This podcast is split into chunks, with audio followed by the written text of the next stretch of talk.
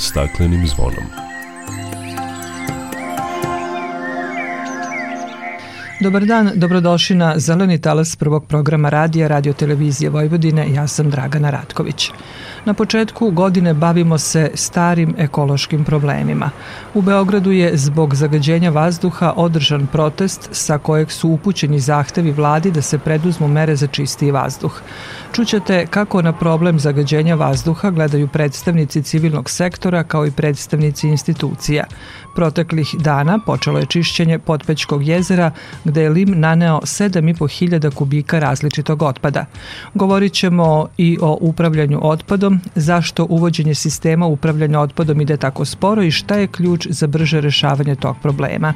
Biće reči i o međunarodnom zimskom popisu ptica vodenih staništa koji je u toku i traje do kraja januara kod nas. Toliko u najavi o najavljenim temama opširnije nakon pozorne pesme. Dok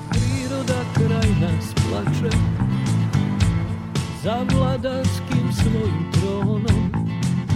Tužno vele narikače pod staklenim smo zvonom. Znaj vazduha više nema sve protiv sebe ide čovek i to često bez pardona uništenju živog sveta kao da su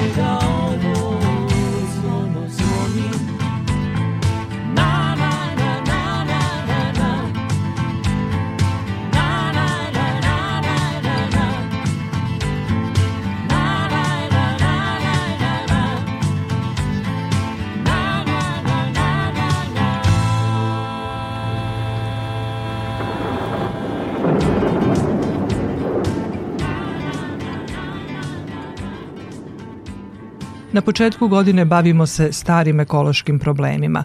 U Beogradu je prošle nedelje održan protest zbog zagađenog vazduha u gradovima u Srbiji u organizaciji grupe građana Ekostraža i uz podršku 30 ekoloških organizacija i grupa građana.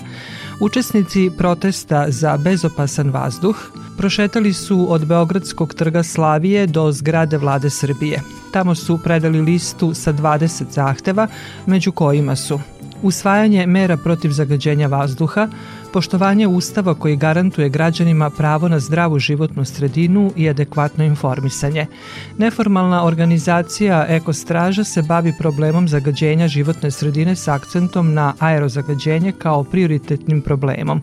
U izjavi za Fonet Bojan Simišić iz te organizacije ocenjuje da je problem zagađenja kompleksan, a prvi je neadekvatna informisanost javnosti, budući da informacije postoje, ali nisu dostupne na pravi način.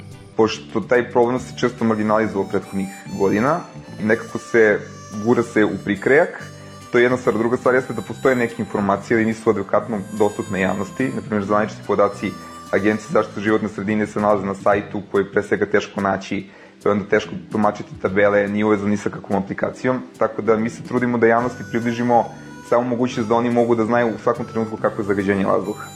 Takođe, što se tiče tih nekih utice na zdravlje, generalni narativ kod donosioca odluka da je to nešto što je akutno, da je samo problem tada kada su visoke vrednosti, da to može da zove neku privrednu astmu i to je to. Naprimer, izve samo ministra zdravlja jeste da zagađenje ne može da izazove dugoročne loše efekte, a sa druge strane imamo informaciju u Batuti Svetske zdravstvene organizacije gde 6000 ljudi umre od tog zagađenja svake godine, ili po izvoru Evropske agencije zaštite životne sredine nekih 15.500.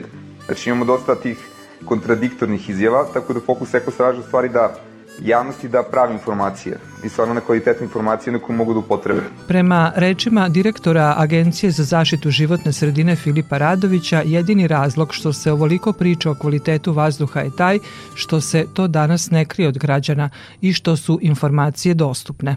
Građani mogu putem našeg web portala, ali i putem naše aplikacije da prate stanje kvaliteta u svom gradu. U proteklih 7 ili 8 godina za čak 80% je povećan koeficijent monitoringa na teritoriji naše zemlje. Građani mogu da vide vrlo precizno i vrlo egzaktno sve informacije o substancama koje se nalaze u vazduhu, ali i o njihovoj koncentraciji.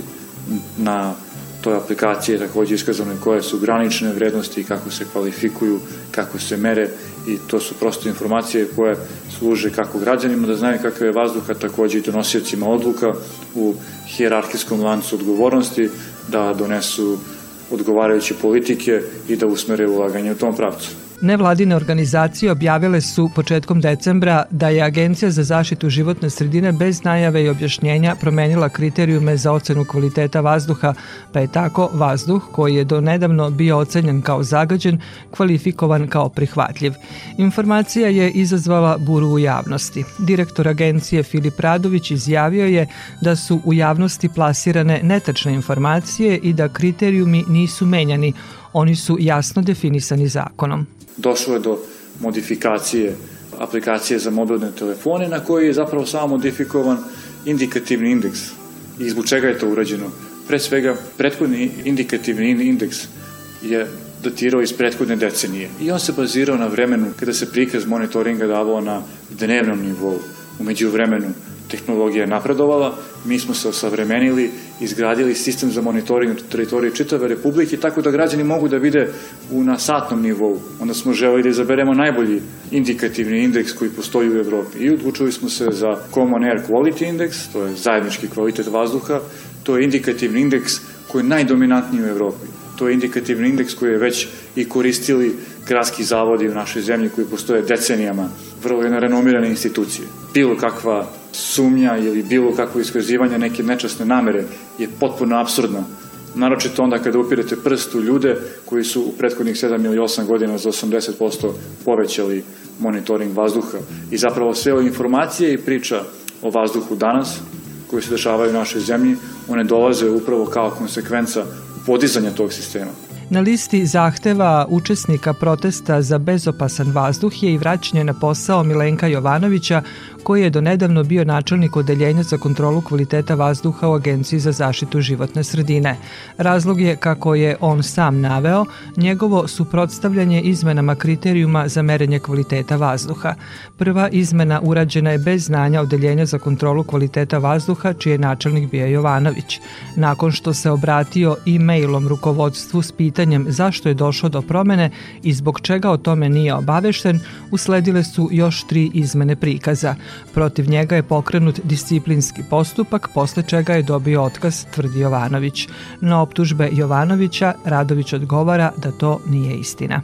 Neistinite su tvrdnje naših bivših kolege gospodina Milenka Jovanovića da je dobio otkaz iz razloga što se na neki način, kako je on to naveo, suprostavio bilo kakvim merama unutar agencije. Činjenica je da je on vrlo aktivno učestvovao u tom procesu i da se on zalagao za taj proces. Razlog zbog čega je on dobio otkaz je bilo grubo narušavanje radne discipline, grubo, grubo narušavanje odnosa prema podređenima, nadređenima i brojni drugi propusti.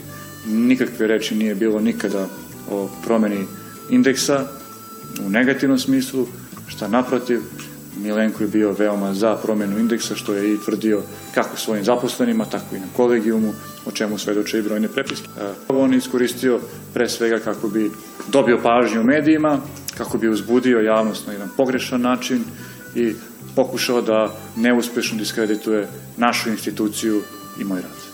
Kada je u pitanju zahtev više ekoloških organizacija za smenu i odgovornost nadležnih u agenciji i vraćanje Jovanovića na posao, Radović je istakao da je uloga nevladinih organizacija u društvu veoma važna i da pozdravlja ekološki aktivizam, ali da se dešava da se to politizuje.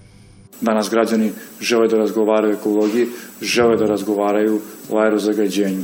I naravno da su se pojavile i određene grupacije, određene frakcije nevladinog sektora, znači nije ceo nevladin sektor učestvovao u tome, koji su želeli da iz ovoga izvuku neki poen kako bi se promovisali, kako bi dali sebi na značaju. Pogrešno je što je to urađeno u vreme pandemije, što su izlagali građane riziku, ali istovremeno svako ima pravo da iskaže svoje mišljenje. Ono što kada se govori o mojoj smeni, ja samo mogu da ovaj, uprem prstom na svoje rezultate, na ono što je postignuto u prethodnih 7 ili 8 godina i upravo to možda jeste e, razlog zbog čega danas pričamo o aerozagađenju. Ekološki aktivisti imaju bolje informacije i uvid u situaciju kada je reč o zagađenju vazduha, smatra Bojan Simišić iz Ekostraže. Inspekcija ne funkcioniše jednostavno na pravi način, zakon postoji samo se ne sprovodi i to je jedan ceo sistem koji ne valja. Mislim, naš neki primer, kako metaforički objašnjamo to kao da imamo šerpu koja je bušna ovako na osam rupa i sad ti pokušaš vodu da preneseš, ti čak ne možeš ni jednu rupu da zapušiš, znači morao bi sve rupe u toj šerpi da zapušiš da bi se ceo taj lanac preneo. Alfa i Omega sad kad priča vlada Srbije. Znači, mi smo uspostavili neki kontakt sa Ministarstvom ekologije, nas je nova ministarka čak i zvala, da dobi taj neki feedback od nas. Jer iskreno nije da sad tvrdim nešto iz sobstvene arogancije, ali stvarno mislim da ekološki aktivisti imaju bolje informacije i bolju uvidu situaciju od samog ministarstva ekologije. Tako da tu je došlo do neke razmene podataka i to je poprilično bilo ok što se nas tiče, ali ministarstvo ekologije je samo jedan mali deo tog problema. Pre svega to je, na primjer, ministarstvo energetike, koje se pita za celu energetsku tranziciju koju se ne sprovodi godinama. Oni su EPS direktno po njihovim ingerencijama, EPS je najveći izolovani zagađivač u Republici Srbiji. Na pitanje koliko je vremena potrebno da se problem zagađenja vazduha reši, Simišić je odgovorio da to ne može da se reši preko noći. Mislim da su neka najoptimistička očekivanja da se za jedno 7 godina prepolovi. Možda eventualno za 5 to su neki nivoji koji su imali neke druge zemlje. Mi možda možemo da ubrzamo zato što su oni već sproveli neke mere, pa ne treba izmišljati toplu vodu, razumete, samo treba videti recimo koji su oni paket odabrali pa da se to adaptira na nas, pošto nijedna situacija nije ista, ali to je sad vrlo nezahvalno davati procene koliko bi brzo moglo da se reši. U svakom slučaju dve su činjenice, ne može da se reši preko noći i po dva mora da krene da se rešava odmah da bismo videli rezultate za 3, 4, 5 ili 7 godina. Znači svaka godina koju izgubimo, mi gubimo godinu da počnemo da se bavimo rešavanjem problema. I ministarka zaštite životne sredine Irena Vujović smatra da se problem aerozagađenja ne može rešiti brzo, ali da se intenzivno radi na tome. Prema njenim rečima, resorno ministarstvo će ove godine subvencionisati zamenu kotlarnica u školama, vrtićima i domovima zdravlja kako bi se omogućio prelazak na ekološki prihvatljive energente i da će konkursi biti sprovedeni preko jedinica lokalne samouprave. I građani će moći da konkurišu za subvencije da bi zamenili kućne kotlarnice kotlarnice, a gradska toplana u Kragujevcu biće priključena na gas, čime će se u velikoj meri rešiti problem aerozagađenja u tom gradu. Ministarstvo će nastaviti i sa subvencijama za kupovinu električnih i hibridnih vozila, a u planu su i projekti pošumljavanja i ozelenjavanja javnih površina koji će se realizovati u jedinicama lokalne samouprave, izjavila je ministarka Irena Vujović.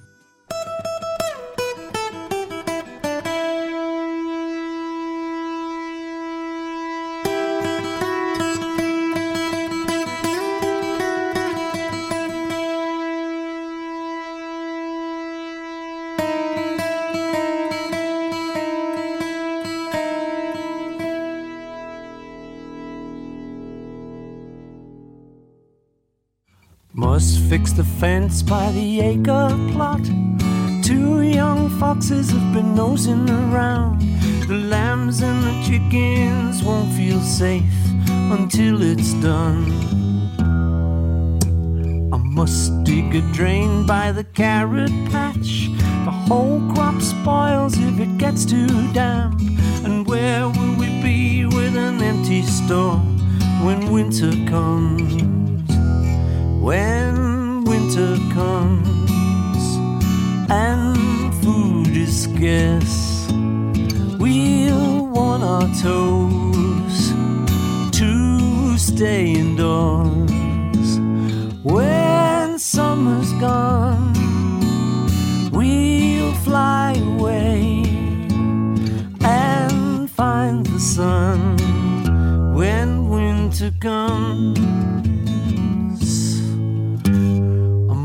find the time to plant some trees in the meadow where the river flows.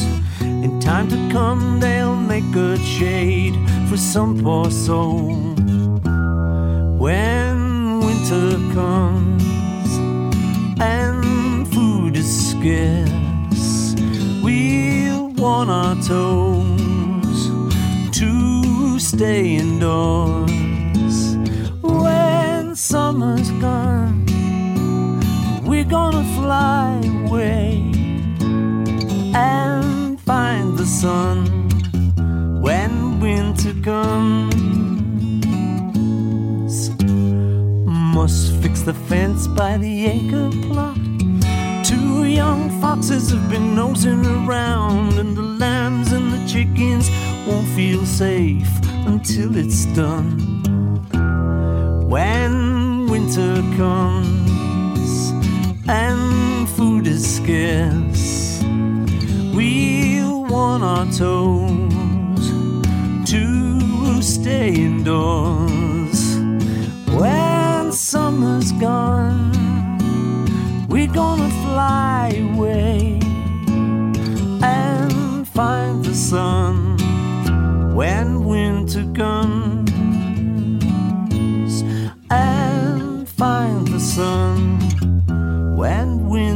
comes.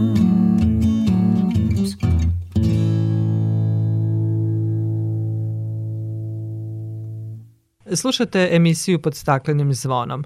Pored loše kvaliteta vazduha, problem predstavlja i otpad. Proteklih dana počelo je čišćenje Potpećkog jezera kod Priboja gde je Lim naneo oko 7.500 kubika različitog otpada. Kako se navodi, 80% tog otpada je plastika. O upravljanju otpadom kod nas razgovaram sa ekspertkinjom za ovu oblast Kristinom Cvejanov.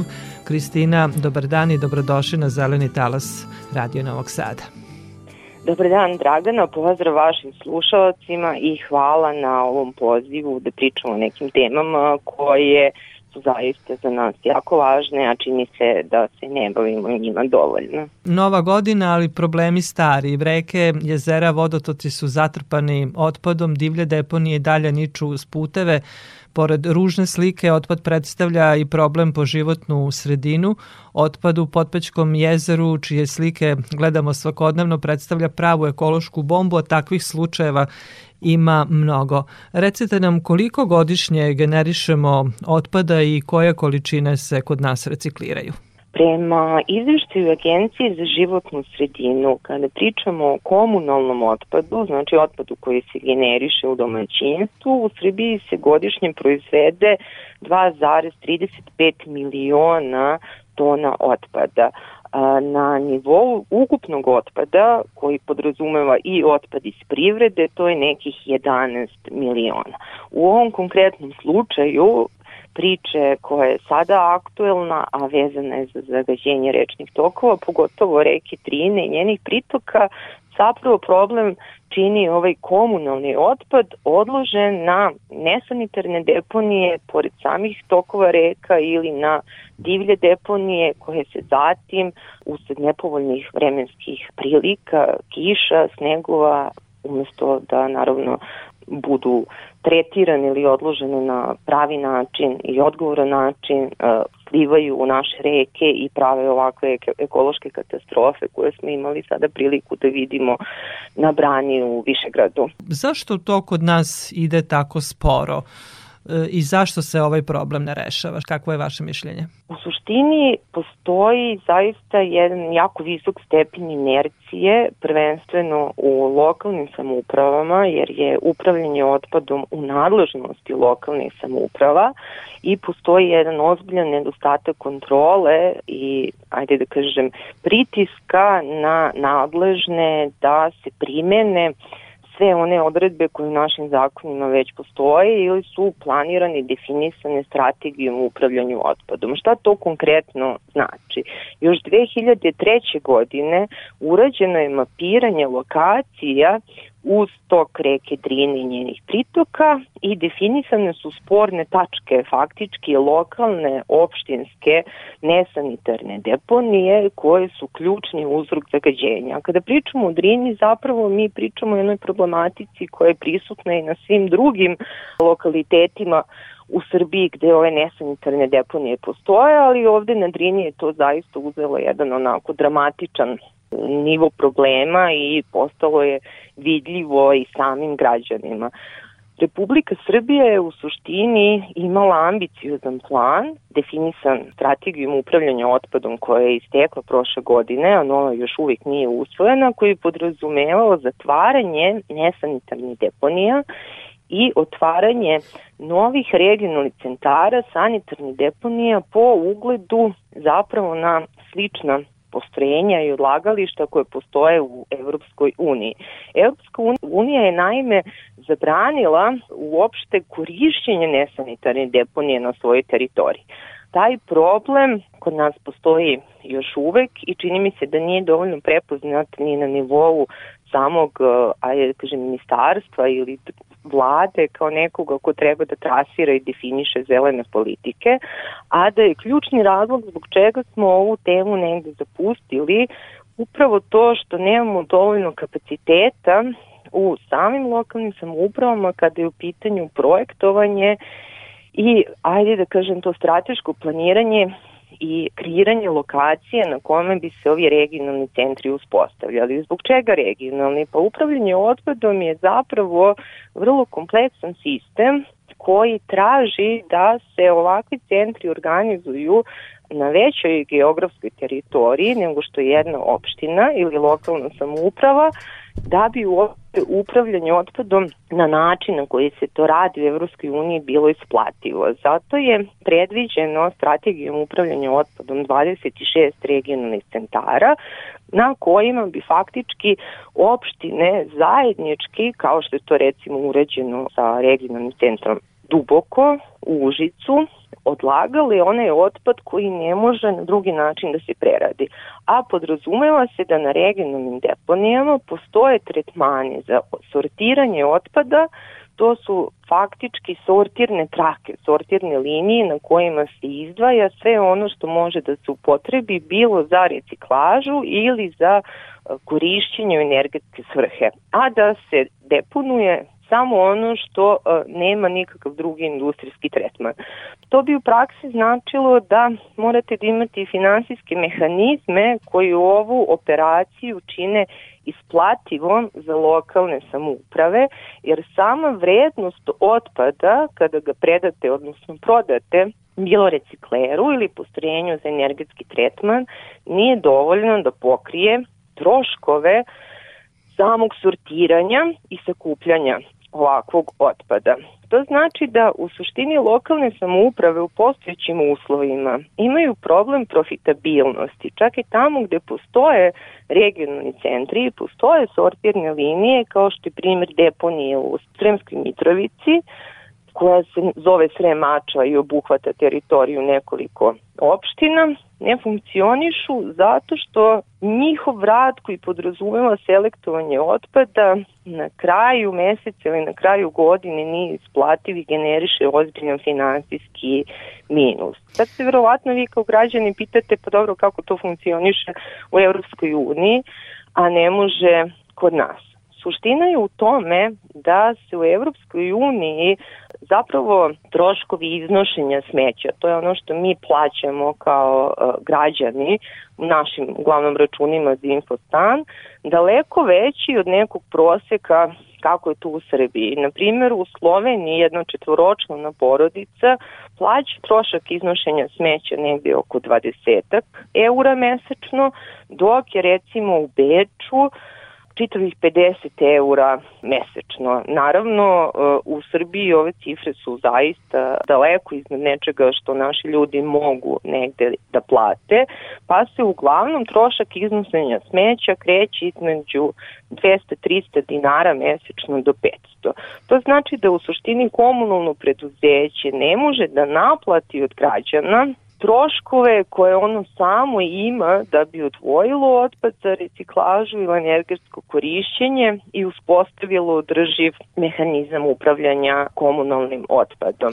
Međutim, cenu toga plaćamo u stvari na drugi način, troškovima sanacije zagađenja ili što je još gore, lečenjem zbog svih onih zdravstvenih problema koje otpad koji nije adekvatno odložen, a to podrazumeva da je bačen na neku livadu koju smo nazvali deponijom, na kojoj on prodire bukvalno u podzemne vode u zemljišti ili u vazduh, nastavlja svoj proces raspadanja na način da ulazi čak i u lanac ishrane i na kraju krajeva može da završi u organizmu čoveka. Znači, ozbiljna i teška tema, a nažalost nedovoljno potencijala da se ona brzo rešava. Da, mnogo toga nam nedostaje da bismo uspostavili sistem upravljanja otpadom onako kako bi trebalo po nekim evropskim standardima. Pomenuli smo i zakonsku regulativu i nedostatak kapaciteta lokalnih samouprava i visinu troškova, nedostatak dakle novca. Godinu dana je prošlo od kad smo predali pregovaračku poziciju za poglavlje 27 i svi nekako očekujemo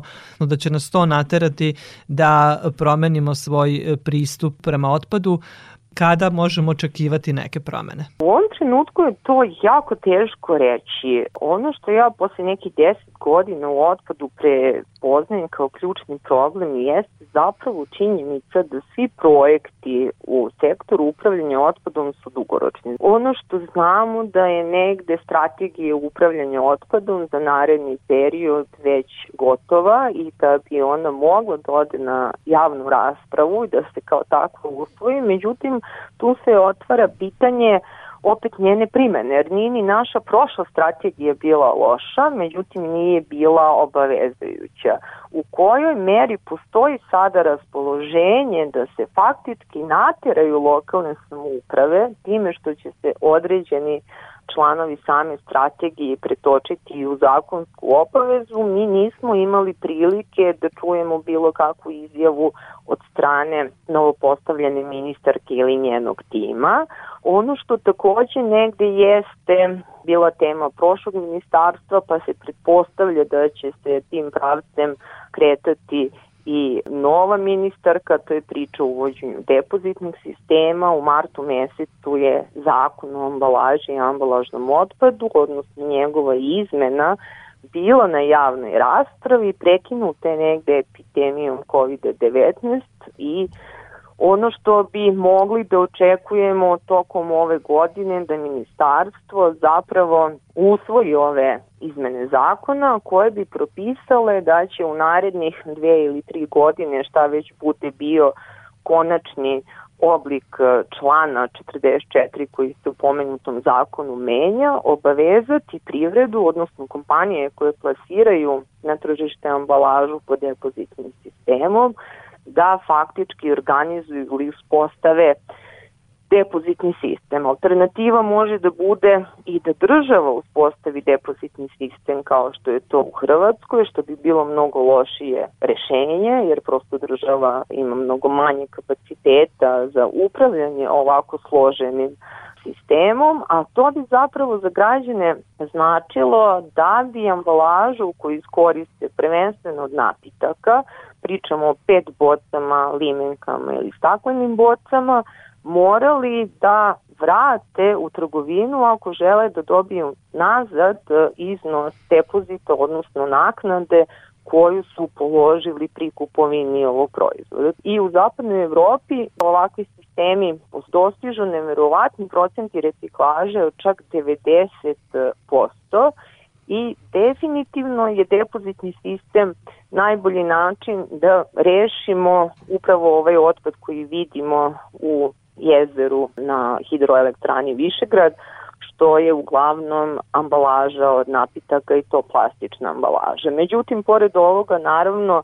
treba rešiti i sav onaj ostali otpad e, koji neće biti pod depozitnim sistemom, samo kad pričamo o ambalaži, to je 85% otpada, znači depozit pokriva nekih 15% otpada koji se generiše, a za to je neophodan razvoj regionalnih centara i ono što nam je poznato to je da Ministarstvo financija i Ministarstvo životne sredine u saradnji sa Evropskom unijom planira da u naredne dve, tri godine uspostavi na ovim spomenutim regionalnim centrima sistem sakupljanja otpada u dve frakcije. Jedna je ta suva frakcija koja zatim ide na sortiranje, a druga je takozvana mokra frakcija koja se odlaže na deponiju.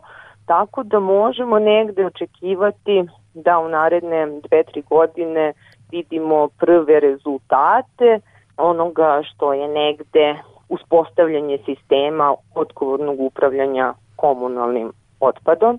Naravno, to neće biti dovoljno i sam proces tranzicije, odnosno dostizanja ciljeva Evropske unije zahteva decenije rada, tako da za početak je važno da načinimo prve korake, da trasiramo put i da napravimo te dobre primere koje mogu biti neka vrsta putokaza i za druge lokalne samouprave, ali definitivno je najvažnije unaprediti postojeće zakone i obezbediti njihovo poštovanje. Kristina, e, ovoj priči nikad kraja zato što je problem e, otpada kompleksan problem i zahteva mnogo stvari da se uradi. Hvala vam puno za ovo razjašnjenje situacije u kojoj jesmo i šta bi trebalo da uradimo da počnemo da rešavamo ovaj problem. Hvala vama Dragana, nadam se da ćemo imati zaista uskoro prilike da vidimo da se stvari pomeraju uh, unapred, a svakako je jako važna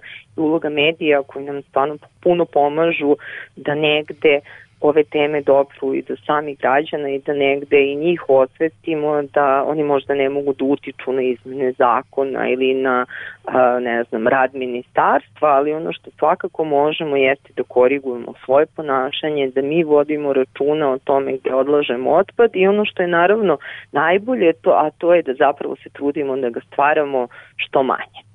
Upravo tako, evo zato smo i započeli ovu godinu sa pričom o ovom problemu, tako da ćemo priču nastaviti i tokom godine da pratimo situaciju, da vidimo šta se dešava i da podižemo svest e, građana o tome koliki je i njihov doprinos u celoj ovoj priči. Hvala još jednom. Hvala i vama.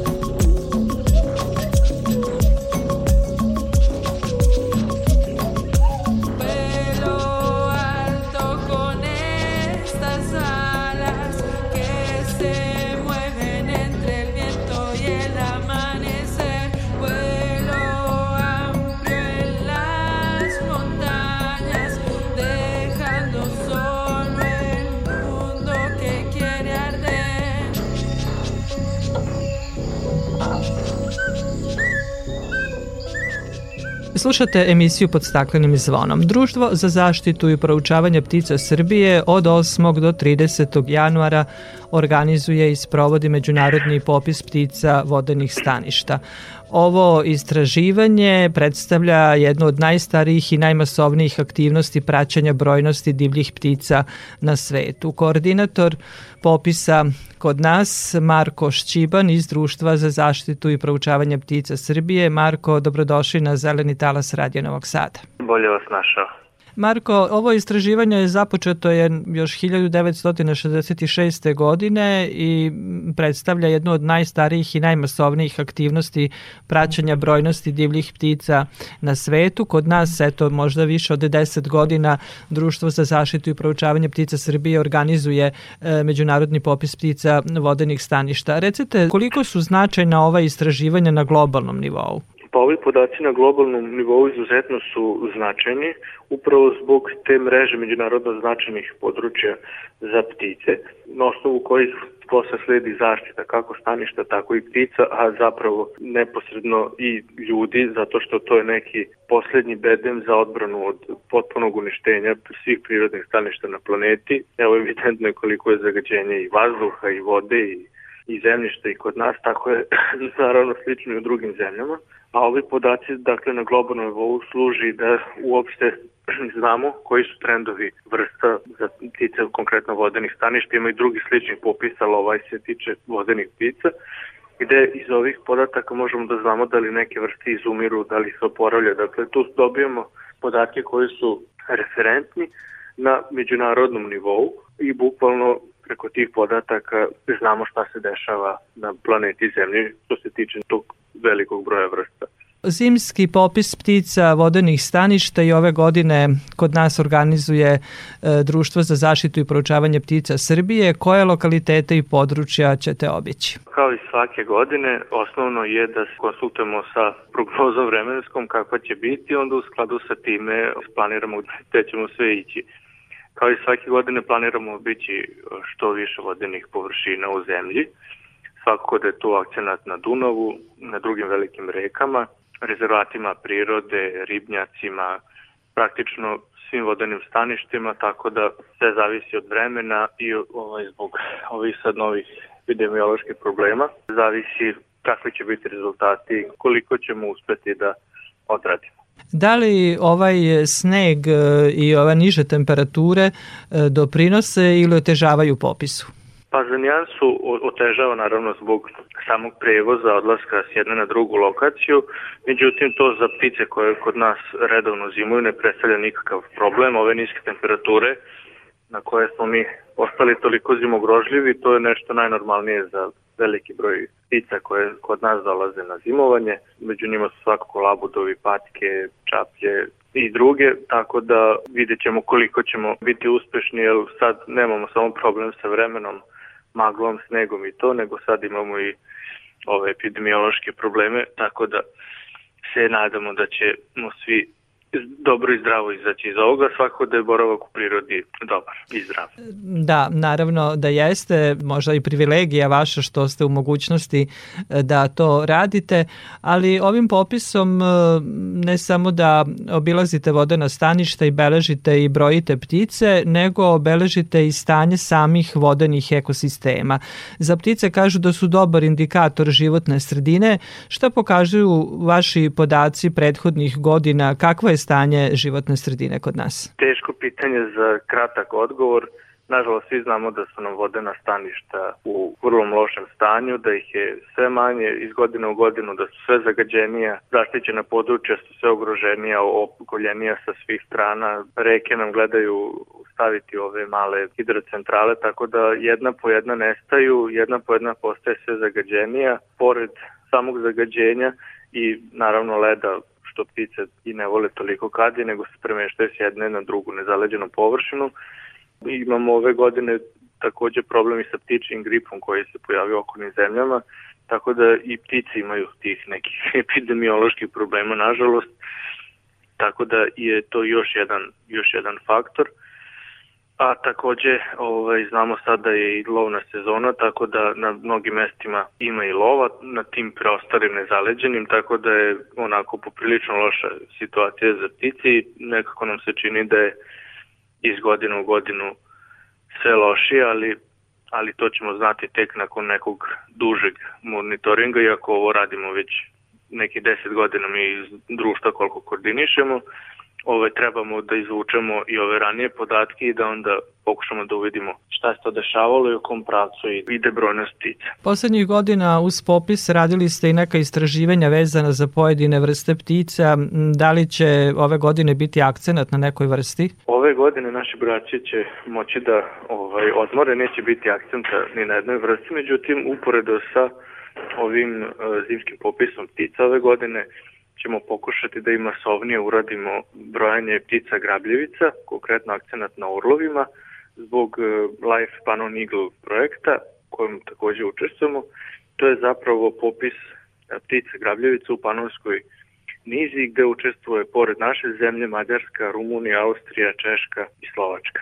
Popis je počeo, da li je bilo nekih iznenađenja na samom početku popisa? Ima uvek iznenađenja, već su nas iznadile neke vrste koje bi trebale da su u Africi, to su jednogražnja smo već zabeležili jedno jato od preko 650 vivaka, sabljarke, jedne jako simpatične šljukarice su nam ostale, ima jedno jato od oko 30 od carske bare, tu je već i onako veći broj morskih gnjuraca koji su nađeni na Ružanskom jezeru, pojedine neke redke vrste šljukarica, mala bela čaplja isto kod Beograda, što je vrlo neobično, pošto je to vrsta koja skoro obavezno ide za Afriku. Tako da ima naravno i nekoliko belih roda, tako da svašta već ima, tek smo počeli. Popis traje do kraja januara, rekli ste članovi i volonteri i saradnici Društva za zaštitu i proučavanje ptica Srbije obići će sva važnija vodena staništa i beležiti i brojati ptice. Da li neko ko je još zainteresovan, a nije se prijavio, može da vam se pridruži i da li je potrebno neko predznanje o pticama da bi mogli da učestvuju u popisu? Naravno, svako je dobrodošao da se priključi čak i 30. januara da se javite, možda će biti prilike da učestvujete. Nije nikako prezanje potrebno, potrebna je samo dobra volja da se nešto nauči, da se malo je tako smrzne i isprlja, ali to je bukvalno sve što treba. Mi uvek kad idemo na teren i učimo ljude koji su s nama za neko raspoznavanje, često to bude i susreti sa nekim redkim vrstama, Tako da svakako pozivam ko je mogućnosti zainteresovan, naravno zdrav da da se pridruži, ako ne sad, onda neki drugi put. Marko, hvala vam lepo e, za razgovor e, sa željom da imate uspešan popis i ove godine i da zabeležite rekordan broj ptica na našim vodenim staništima. Mi ćemo se o rezultatima popisa čuti negde sredinom februara ako može. Može, naravno. Nadamo se da će biti ptica, ali nažalost uslovi su sve gori iz godine u godinu.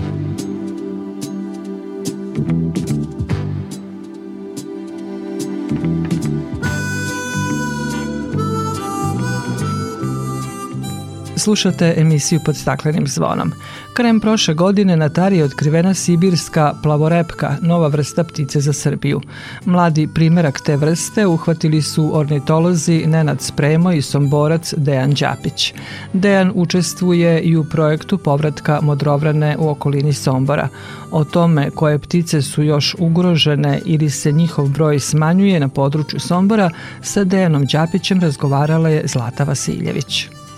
S obzirom da su uslovi života takvi da se staništa menjaju, mnoge ptiče vrste zapravo potražile su druga staništa, pa su ornitolozi prinuđeni da kroz različite projekte rade na povratku autoktonih ptičih vrsta na ove prostore. Jedna od njih je i Modro vrana, a naš gost, ornitolog Dejan Đapić, učestvovao je u projektu povratka Modro vrane na slatinasta staništa u okolini Sombora. Koje su ptice ugrožene i zašto se to dešava? Sombor i okolina primećujemo da ima sve manje belih roda. Razlog za, za smanjenje njihovog broja je uglavnom zbog tog što nestaju pogledna staništa za gnežđenje. Recimo, preoravaju se ti ostaci malih livada, pašnjaka, slatina, pa je njih sve manje. Jedna od takođe vrsta koja je skoro izgubila bitku za, za opstanak u prirodi je jarebica, koja je nekad bila neverovatno brojna vrsta.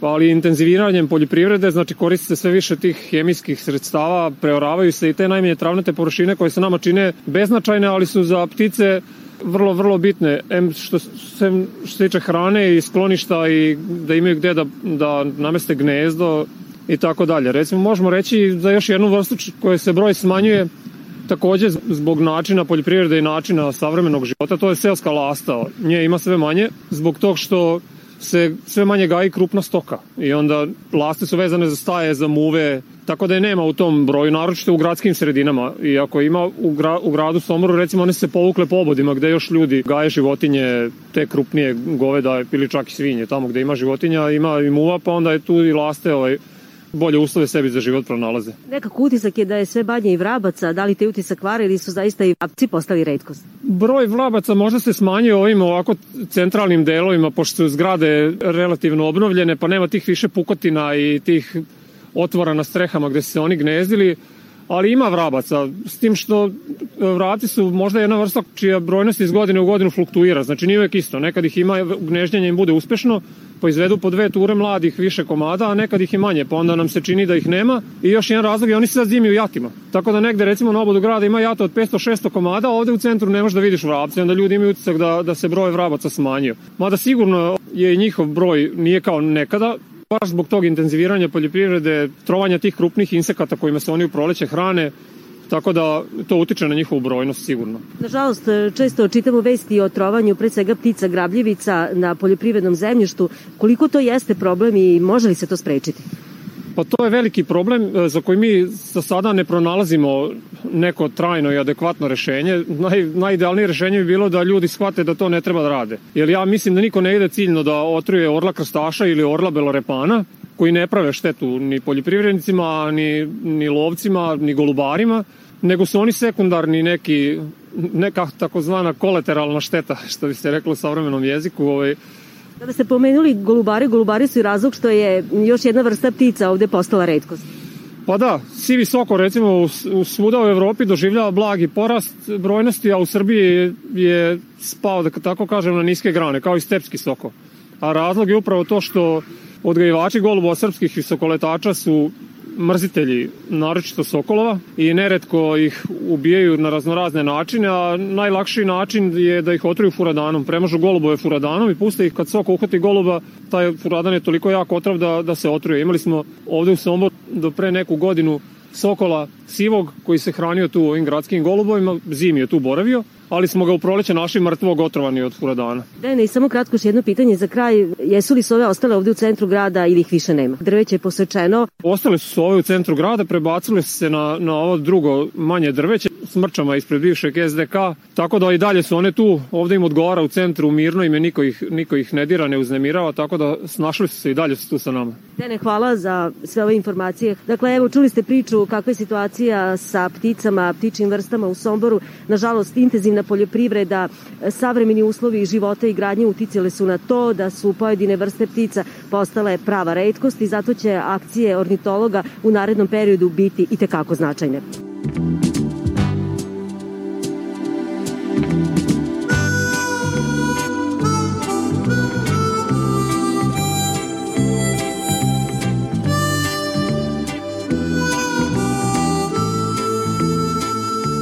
I na kraju emisije odlazimo do Vršca. Tamo na Gradskom jezeru prvi put zimuje jato labudova koje je izazvalo veliko interesovanje vrščana koji svakodnevno dolaze da ih vide, fotografišu i nahrane.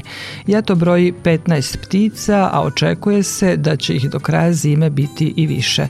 Prilično su pitomi i veruju ljudima do te mere da prilaze sasvim blizu prilikom hranjenja, a ornitolozi upozoravaju da se ne hrane hlebom već isključivo kukuruzom i pšenicom jer su zrnasta hrana i trava ono čime se hrane u prirodi.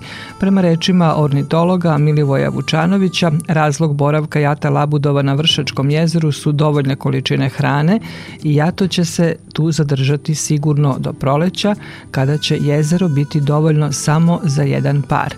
Labudovi su izuzetno teritorijalni i agresivni prema drugim pticama i pripadnicima svoje vrste u periodu kada odgajaju mlade, objašnjava Vučanović.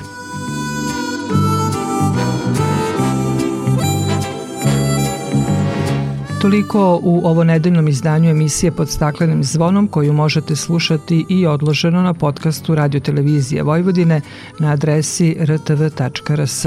Na pažnje vam zahvaljuju Marica Jung, Nikola Glavinić i Dragana Ratković. Naredni susret zakazujemo za sedam dana u isto vreme na zelenom talasu prvog programa radija Radio Televizije Vojvodine.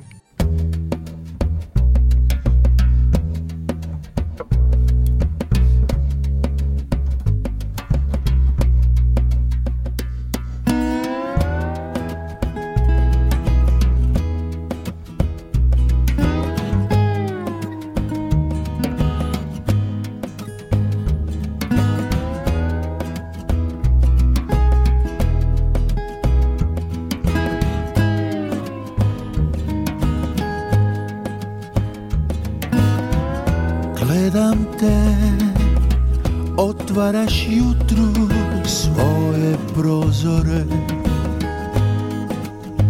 U prvom suncu Mirišeš na svježe jabuke. Tvoj pogled obara zelenom bojom Čarolija se budi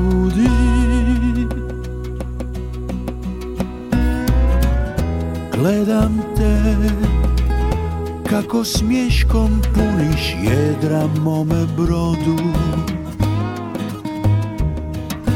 Poljubcem istopila si me u lokvicu na podu. Najviša je sila ovog jutra sreći krila. Hvala Bogu što je dobra vila. Kad kad i na mojoj strani Ispod njezinih se krila. Krhko srce lakše brani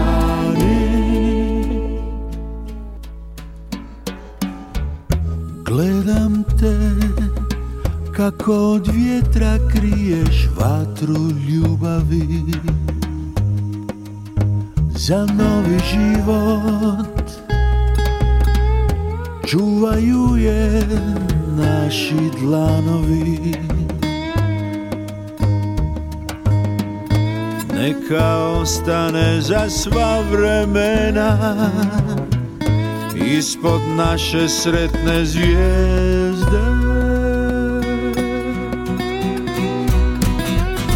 Hvala Bogu što je dobra vila.